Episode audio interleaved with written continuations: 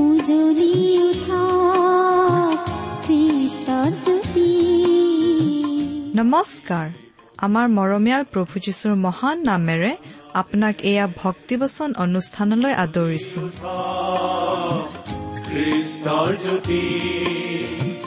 আকাশ বতাহ মুখৰিত কৰি গাঁও হাৱে মিলি প্ৰশংসা গীতি গাঁও সবে মিলি প্ৰশংসা গীতি আজিৰে পবিত্ৰ ক্ষণতে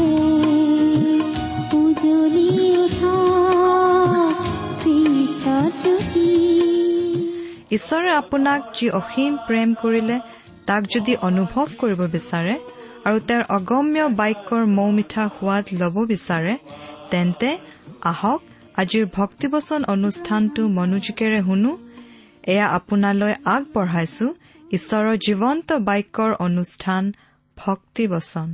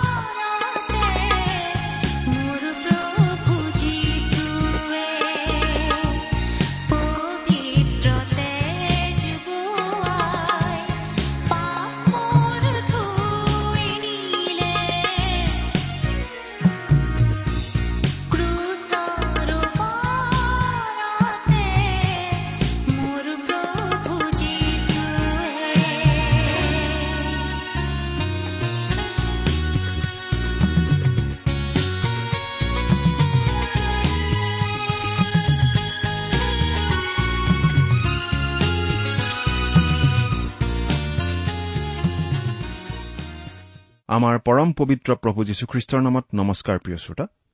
আশা কৰো মহান পিতা পৰমেশ্বৰৰ মহান অনুগ্ৰহত আপুনি ভালে কুশলে আছে। আপুনি বাৰু আমাৰ এই ভক্তিবচন অনুষ্ঠানটো নিয়মিতভাৱে শুনি আছেনে? এই অনুষ্ঠান শুনি আপুনি বাৰু কেনেকুৱা পাইছে?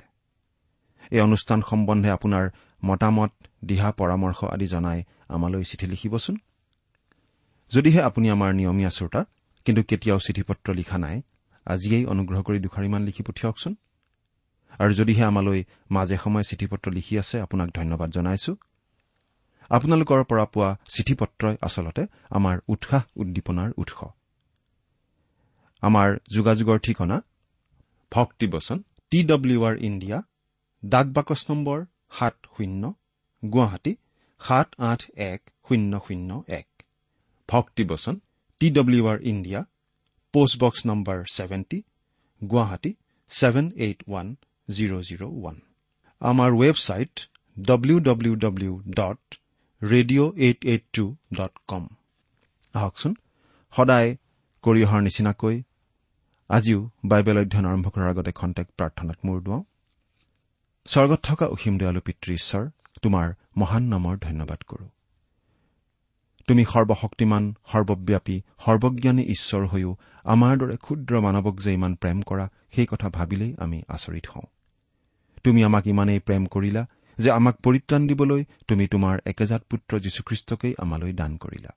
তেওঁ ক্ৰুচত নিজৰ পবিত্ৰ তেজেৰে আমাৰ পাপৰ প্ৰায়চিত্ৰ কৰিলে। আজি তেওঁত বিশ্বাস কৰি আমি অনন্ত জীৱন লাভ কৰি তোমাক পিতৃ বুলি মাতিব পৰা হৈছো। তাৰ বাবে তোমাক অশেষ ধন্যবাদ পিতা। এতিয়া আমি তোমাৰ মহান বাক্য বাইবেল শাস্ত্ৰ অধ্যয়ন কৰিবলৈ ওলাইছো প্ৰাৰ্থনা কৰিছো। তোমাৰ বাক্যৰ যোগেৰে আমাৰ প্ৰত্যেককে তুমি কথা কোৱা। আমাৰ শ্ৰোতাসকলক বিশেষভাৱে তুমি আশীৰ্বাদ কৰা। কিয়নো এই প্ৰাৰ্থনা মহান ত্ৰাণকৰ্তা মৃত্যুঞ্জয় প্ৰভু যীশুখ্ৰীষ্টৰ নামত আগবঢ়াইছো। আমেন।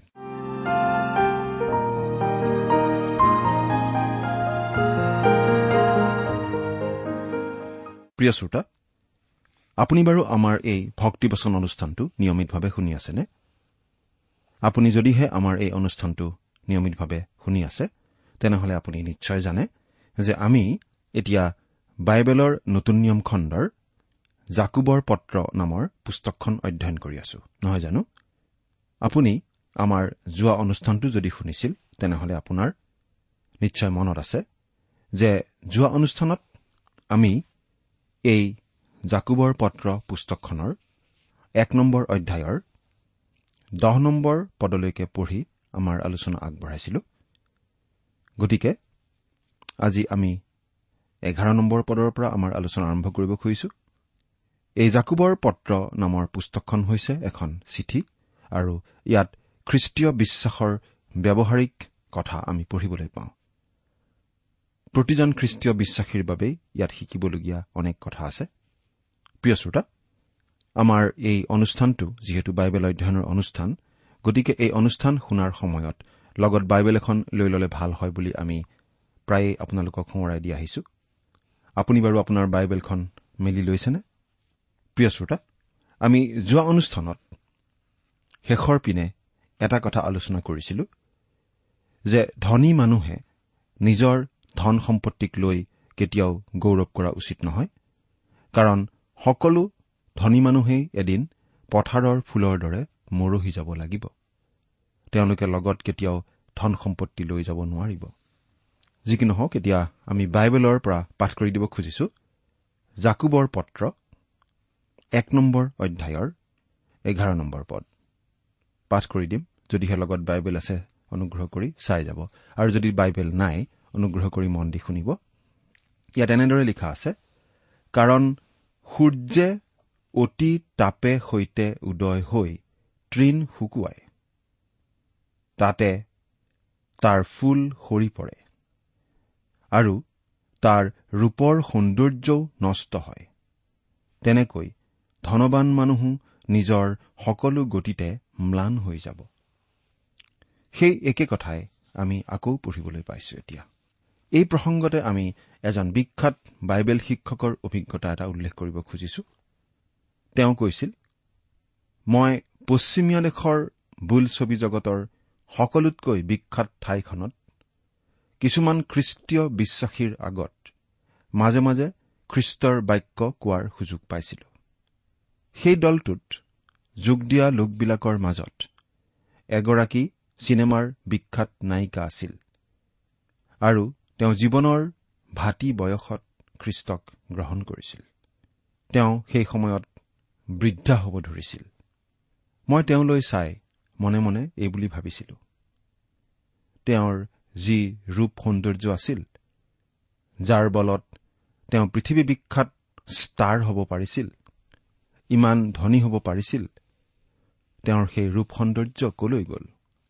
সেই ৰূপ সৌন্দৰ্য আচলতে তেতিয়া আঁতৰি যাব ধৰিছিল। ঈশ্বৰে কৈছে ধনবান মানুহো নিজৰ সকলো গতিতে ম্লান হৈ যাব। প্ৰিয় শ্ৰোতা আপুনি যদি খ্ৰীষ্টত বিশ্বাস কৰিছে তেনেহলে এই কথাটোক লৈহে আনন্দ কৰক যে আপোনাৰ আজি এনে এজন পৰিত্ৰতা আছে যিজনে আপোনাক কেৱল স্বৰ্গলৈ নিবলৈকে পৰিত্ৰাণ কৰা নাই। অৱশ্যে আমাৰ বাবে সেইটো সকলোতকৈ আনন্দৰ বিষয় কিন্তু তেওঁ আজি এই মুহূৰ্তটো আমাক সহায় কৰিব পাৰে আৰু কৰে। যেতিয়া আমি হিতুপদেশ পুস্তকখন পঢ়ো তেতিয়া সেই পুস্তকখন আমি এজন ডেকাৰ কথা কল্পনা কৰি পঢ়ো। তেওঁ যেন বেলেগ বেলেগ বিশ্ববিদ্যালয়ৰ পৰা বিভিন্ন পাঠ্যক্ৰমৰ পুস্তিকা আনিছে আৰু সেইবোৰৰ ভিতৰতে আছে প্ৰজ্ঞাৰ বিশ্ববিদ্যালয়খনো। কিন্তু এই জাকুবৰ পুস্তকত আমি বেলেগ ধৰণৰ পঢ়াশালী এখন পাওঁ কঠোৰ আঘাতৰ পঢ়াশালী। আৰু আমাৰ বহুতেই আচলতে আজি সেইখন পঢ়াশালীতেই পঢ়ি আছো। ঈশ্বৰে তেওঁৰ নিজৰ সকলো লোককেই খ্ৰীষ্টীয় বিশ্বাসী হিচাপে পৰিপক্ক অৱস্থালৈ নিব বিচাৰে। সেইটো কৰিবলৈ তেওঁ নানা ধৰণৰ পৰীক্ষা আমাৰ জীৱনলৈ আহিবলৈ দিয়ে। তেওঁৰ সকলো সন্তানকেই তেওঁ পৰীক্ষা কৰে তেওঁলোক প্ৰকৃত বিশ্বাসী হয় নে নাই সেইটো চাবৰ বাবে। ভুৱা বিশ্বাসী আৰু নামধাৰী বিশ্বাসীবোৰ দেখুৱাই দিবলৈ। তেওঁ নিজৰ সন্তানসকলক নিশ্চয়তা প্ৰদান কৰিবও বিচাৰে। আমাৰ জীৱনলৈ অহা পৰীক্ষা তাৰণা আদিয়ে আমাক তেওঁৰ সন্তান নহয় বুলি নকয় কিন্তু আমাৰ বিশ্বাসৰ প্ৰমাণহে দিয়ে। প্ৰিয় শ্ৰোতা যদিহে আপোনাৰ জীৱনলৈ কেতিয়াও অলপো সমস্যা অহা নাই তেনেহলে আপোনাৰ পৰিত্ৰাণৰ কথাটো আপুনি অলপ চালি জাৰি চোৱাটো উচিত। যদিহে কোনো ধৰণৰ সমস্যা আদি আহিছে সেইটো আচলতে ভাল লক্ষণ যে আপুনি ঈশ্বৰৰ সন্তান। যদিও আমাৰ জীৱনলৈ বিভিন্ন উদ্দেশ্যত ঈশ্বৰে পৰীক্ষা আহিবলৈ দিয়ে কিন্তু জাকুবে ইয়াত বিশেষভাৱে গুৰুত্ব দি কৈছে ধৈৰ্যৰ কথাটো। ঈশ্বৰে কেৱল আপুনি যে তেওঁৰ প্ৰকৃত সন্তান তাৰ প্ৰমাণ দিবলৈকে নহয় কিন্তু আপোনাৰ জীৱনত ধৈৰ্য উৎপন্ন কৰিবলৈও বিচাৰে। জীৱনলৈ অহা পৰীক্ষা আৰু তাৰ অন্তৰালত থকা উদ্দেশ্যৰ বিষয়ে বহুখিনি কথাই লিখা হৈছে। এজন বিখ্যাত পণ্ডিতে এই বুলি মন্তব্য কৰিছে। যন্ত্ৰণা নহলে যন্ত্ৰণা উপশমৰ মলমো নাই কাঁইট নাথাকিলে কিৰিটিও নাই বিষ নাথাকিলে গৌৰৱ নাই ক্ৰুচ নাথাকিলে মুকুতো নাই। আন এজন ব্যক্তিয়ে এই বিষয়টো এনেদৰে কৈছে যদি মই কিবা এটা বুজা কঢ়িয়াব লাগে তেনেহলে খ্ৰীষ্টই মোক কঢ়িয়াব। কেতিয়াবা আমি নতশিৰ হ'ব লাগিব যদিহে আমি ওপৰলৈ চাব বিচাৰো। আমি য'ত শক্তিশালী আচলতে আমি তাতো দুৰ্বল। কিন্তু আমি য'ত দুৰ্বল খ্ৰীষ্টত আমি তাতো শক্তিশালী। আপুনি কিমান দিন বাচি থাকিব? সেইটো আচল কথা নহয়। কিন্তু আপুনি কেনেদৰে বাচি থাকিব সেইটোহে আচল কথা। আমাৰ এনে এটা দৃষ্টিভংগী থকাটো খুবেই প্ৰয়োজন। বহুতো মানুহে ভাবি আচৰিত হয় তেওঁলোকেইনো কিয় কিবা এটা বিশেষ অভিজ্ঞতা সহন কৰিবলগীয়া হৈছে? বহুদিন আগতে এজন খ্ৰীষ্টীয় বিশ্বাসী লোকে এই বুলি চিঠি এখন লিখিছিল। মোৰ ভাৰ্যা যোৱা বিছ বছৰ ধৰি ৰোগত পৰি আছে। আৰু যোৱা দহ বছৰ ধৰি পাৰ্কিনছন্স ডিজিজ হৈ জঠৰ হৈ আছে। তেওঁ হস্পিটেলৰ পৰা ওলাই অহাৰ কোনো আশাই আৰু নাই। এজন মৰমীয়াল পিতৃয়ে তেওঁক কেনেকৈ ইমান দুখ যন্ত্ৰণা দিব পাৰে? মই জানো মোৰ ভাৰ্যাই ঈশ্বৰক প্ৰেম কৰে কিন্তু সেই ঈশ্বৰে মৰমীয়াল পিতৃ হিচাপে তেওঁক ইমান দুখ যন্ত্ৰণা কেনেকৈ দিব পাৰে? এই ব্যক্তিজনে সঁচাকৈয়ে অতি নিষ্ঠাবান মানুহ হিচাপেই কথাটো ভাবিছিল। তেওঁৰ সমস্যাটোৰ কোনো উত্তৰ তেওঁৰ হাতত নাছিল। তাৰ উত্তৰ আমাৰ হাততো নাই। সেই মহিলাগৰাকীৰ ক্ষেত্ৰত কিয় তেনে ঘটিছে আমি ক'ব নোৱাৰো।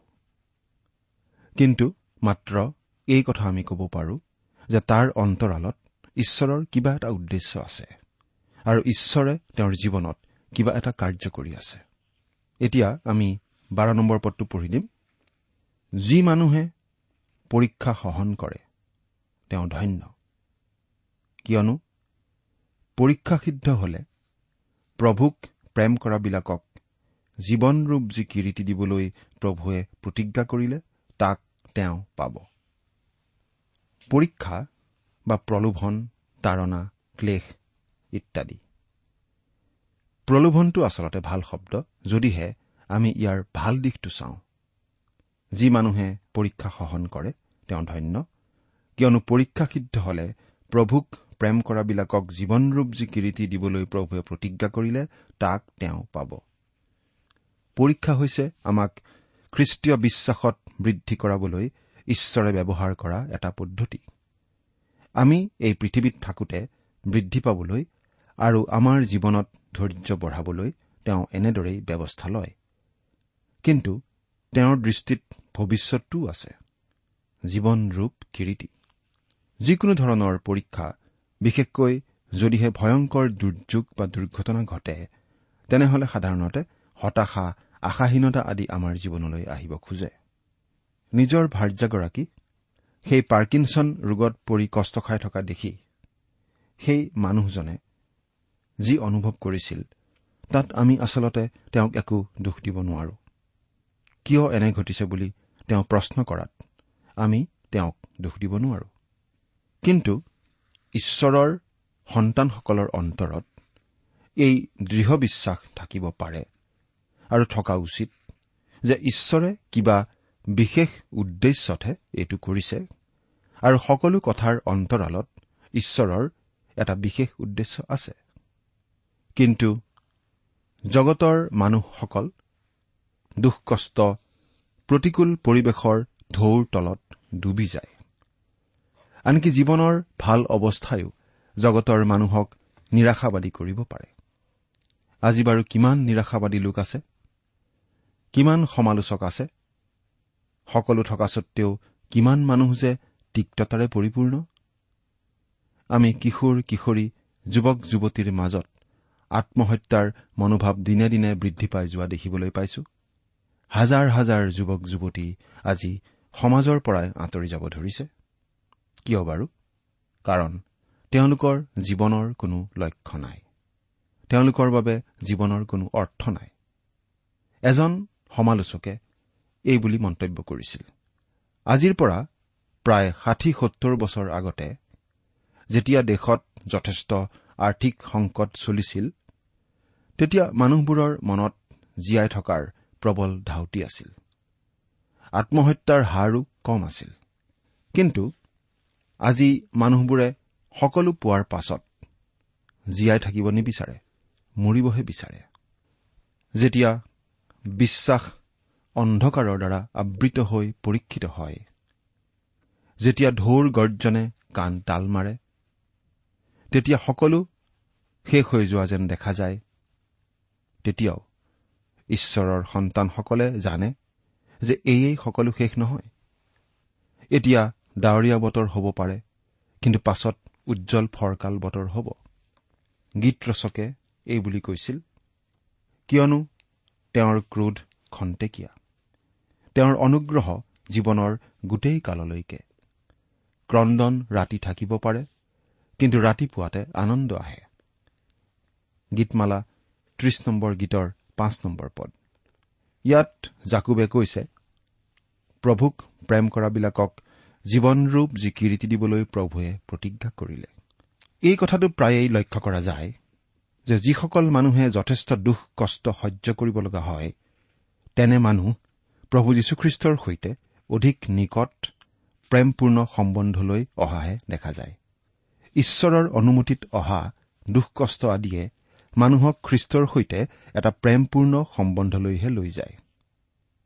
আৰু সেই দিনটোলৈ আগ্ৰহেৰে চাবলৈ শিকায় যি দিনত তেওঁ প্ৰভু যীশুৰ মুখামুখি হ'ব আৰু তেওঁক জীৱনৰূপ কিৰিটি দিয়া হ'ব। জীৱনৰূপ কিৰিটিনো বাৰু কি? বাইবেলত বহু কিৰিটিৰ কথা উল্লেখ কৰা হৈছে যিবোৰ খ্ৰীষ্টীয় বিশ্বাসীসকলক পুৰস্কাৰ হিচাপে দিয়া হ'ব। কিৰিটি মানে পৰিত্ৰাণ নহয় পুৰস্কাৰহে বুজায়। কোনো এজন ব্যক্তিক পুৰস্কাৰ হিচাপেহে এই কিৰিটি দিয়া হয়। উদাহৰণস্বৰূপে এখন দেশৰ অতি সাধাৰণ গাঁও এখনৰ ল'ৰা এজন অলিম্পিকলৈ গ'ল আৰু ছটা সোণৰ মেডেল জিকিলে। লগে লগে দেশখনৰ চাৰিওপিনে ছাইনবোৰ্ড টেলিভিছন বিজ্ঞাপন ইত্যাদিত তেওঁৰ মুখ দেখা পোৱা হ'ল। কোনোবা এখন চিনেমাতো তেওঁ অভিনয় কৰিবলৈ সুবিধা পালে। তেওঁ ছয়টা সোণৰ পদক জিকিছিল। তেওঁ নিজৰ পুৰস্কাৰ পালে। প্ৰিয় শ্ৰোতা এই জগতত কষ্ট সহন কৰা প্ৰতিজন খ্ৰীষ্টীয় বিশ্বাসীৰ বাবে প্ৰভু যীশুৱে বিশেষ বিশেষ পুৰস্কাৰ ৰাখিছে। জাকুবে কৈছে প্ৰভুক প্ৰেম কৰাবিলাকক জীৱনৰূপ যি কিৰিটি দিবলৈ প্ৰভুৱে প্ৰতিজ্ঞা কৰিলে তাক তেওঁ পাব। পৰীক্ষাই আপোনাক প্ৰভুৰ ওচৰ চপাই নিব নহলে আঁতৰাই নিব। বহুতো খ্ৰীষ্টীয় বিশ্বাসী লোকৰ মনত তিক্ততাহে জমা হয়। প্ৰিয় শ্ৰোতা আপোনাৰ চৰিত্ৰ গঢ়িবলৈ আপোনাক প্ৰভু যীশুৰ ওচৰ চপাই আনিবলৈ পিতৃ ঈশ্বৰে ব্যৱহাৰ কৰা পদ্ধতিটোৱে যদি আপোনাৰ অন্তৰত তিক্ততাহে আনি দিয়ে তেতিয়াহ'লে যেতিয়া আপুনি এদিন প্ৰভু যীশুৰ সন্মুখত থিয় দিব লাগিব। তেতিয়া আপোনাৰ অভিজ্ঞতা নিশ্চয় আনন্দকৰ নহ'ব। আমাৰ জীৱনলৈ পৰীক্ষা আহিবই। কিন্তু যিসকলে সেই পৰীক্ষাৰ সময়তো নেৰানেপেৰাকৈ লাগি থাকে তেওঁলোকে জীৱনৰূপ কিৰিটি পাব। জীৱনৰূপ কিৰিটি সম্বন্ধে আমি অলপ আলোচনা কৰিব খুজিছো। আমি শাস্ত্ৰত এই কথা দেখিছো যে হেৰুৱা লোকসকলৰ বাবে বেলেগ বেলেগ ধৰণৰ শাস্তিৰ কথা কোৱা হৈছে। কিছুমানে বহু কোপ খাব কিছুমানে কম কোপ খাব। অৰ্থাৎ হেৰুৱা লোকসকলৰ বাবে শাস্তিৰ বেলেগ বেলেগ শ্ৰেণী আছে। পাচনি পৌল বা আন তেনে সাধুৱে যি ধৰণৰ কিৰিটি পাব তেনেকুৱা কিৰিটি আমি পাবলৈ নিশ্চয় আশা কৰিব নোৱাৰো। নহয় জানো? কিন্তু কিবা এটা পুৰস্কাৰ পাবলৈ আমি আশা কৰিব পাৰো আৰু পাবলৈ নিশ্চয় আমাৰ মন যায়।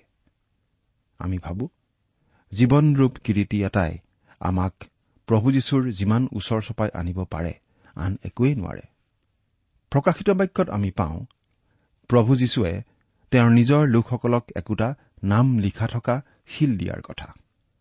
প্ৰকাশিত বাক্য দুই নম্বৰ অধ্যায়ৰ সোতৰ নম্বৰ পদ চাওক। আমি ভাবো তেওঁ প্ৰত্যেককেই একোটা নতুন নাম দিব। আমি ভাবো তাত প্ৰভু যীশুৰ এটা নাম লিখা থাকিব যিটোৱে তেওঁৰ সৈতে আমাৰ ব্যক্তিগত অভিজ্ঞতাৰ কথা বুজাব। আপোনাৰ বাবে তেওঁ যেনেকুৱা আনৰ ক্ষেত্ৰত তেওঁ বেলেগ ধৰণৰ অভিজ্ঞতা জন্মোৱা প্ৰভু হ'ব পাৰে। অৰ্থাৎ প্ৰভু যীশুক আপুনি যি হিচাপে উপভোগ কৰিছে তেনে অভিজ্ঞতা মোৰ নাথাকিবও পাৰে। তেওঁ মোৰ বাবে যেনেকুৱা আপোনাৰ বাবে তেনেকুৱা নহবও পাৰে। আপোনাৰ তেনেকুৱা অভিজ্ঞতা নাথাকিবও পাৰে। আমি ভাবো জীৱনৰূপ কিৰিটি মানে আপুনি স্বৰ্গত এনে এটা জীৱনৰ ডিগ্ৰী লাভ কৰিব যিটো আন কোনোবা এজনে নাপাবও পাৰে। এই পৃথিৱীৰ বহুতো মানুহে ঈশ্বৰৰ কাৰণে একো নকৰাকৈয়েই জীৱন পাৰ কৰি দিলে আৰু পাৰ কৰি আছে। ক্ৰুচৰ ওপৰত খ্ৰীষ্টক বিশ্বাস কৰা সেই ডকাইতজনৰ কাৰণে আমি ঈশ্বৰক ধন্যবাদ দিব পাৰো। কিন্তু সেই ডকাইতজনে বিশেষ কিবা পুৰস্কাৰ পাব বুলি আমি আশা কৰিব নোৱাৰো। কাৰণ তেওঁ প্ৰভু যীশুৰ হকে কৰিবলৈ একো সুবিধাই নাপালে। যদিহে আমি পাচনি পৌলৰ লগত তেওঁক ৰিজাই চাওঁ তেতিয়া আমি এই কথাটো বুজি পাওঁ। পাচনি পৌলে পুৰস্কাৰ লাভ কৰাৰ দিনটো কল্পনা কৰি চাওকচোন তেওঁ কিমান পুৰস্কাৰ পাব। জীৱনৰূপ কিৰিটিৰ প্ৰতি পাচনি পৌল যথেষ্ট আগ্ৰহী আছিল আৰু জাকুবেও তেনে আগ্ৰহ দেখুৱাইছে। জীৱনৰূপ কিৰিটি আছে। কিন্তু সেই কিৰিটি আপুনি লাভ কৰিব নোৱাৰে যেতিয়ালৈকে আপুনি জীৱনৰ দৌৰত অংশগ্ৰহণ নকৰে। যেতিয়ালৈকে আপুনি দৈনন্দিন ব্যৱহাৰিক জীৱনত খ্ৰীষ্টীয় বিশ্বাস প্ৰয়োগ নকৰে। যদিহে এই পৃথিৱীত আপুনি ঈশ্বৰৰ হকে জীয়াই থাকিব পাৰে তেনেহলে এদিন ঈশ্বৰৰ পৰা আপুনি জীৱনৰূপ কীৰ্তি পাব। আমি তালৈ আশা কৰি থাকিব পাৰোঁ।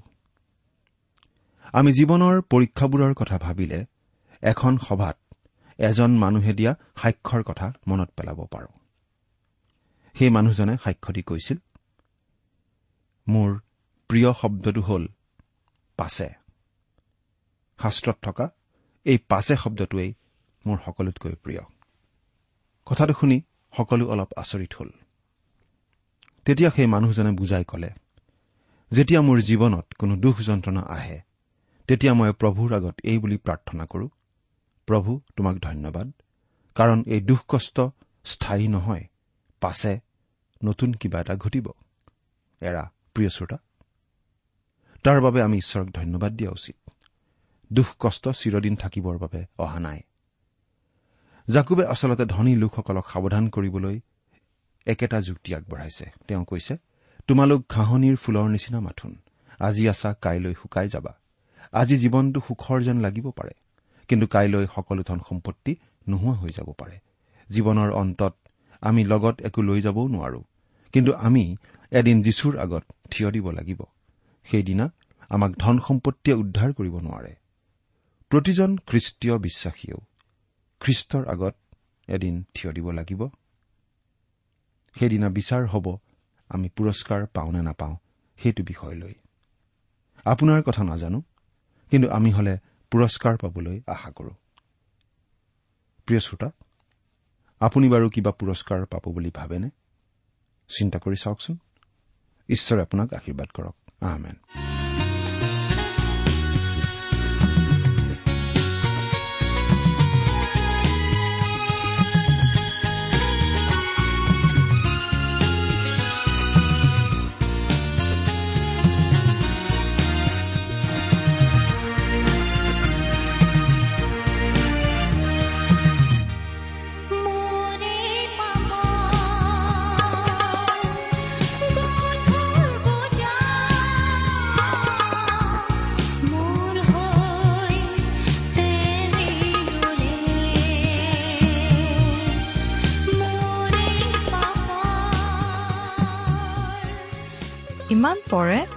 আপুনি ভক্তিবচন অনুষ্ঠানটি শুনিলে।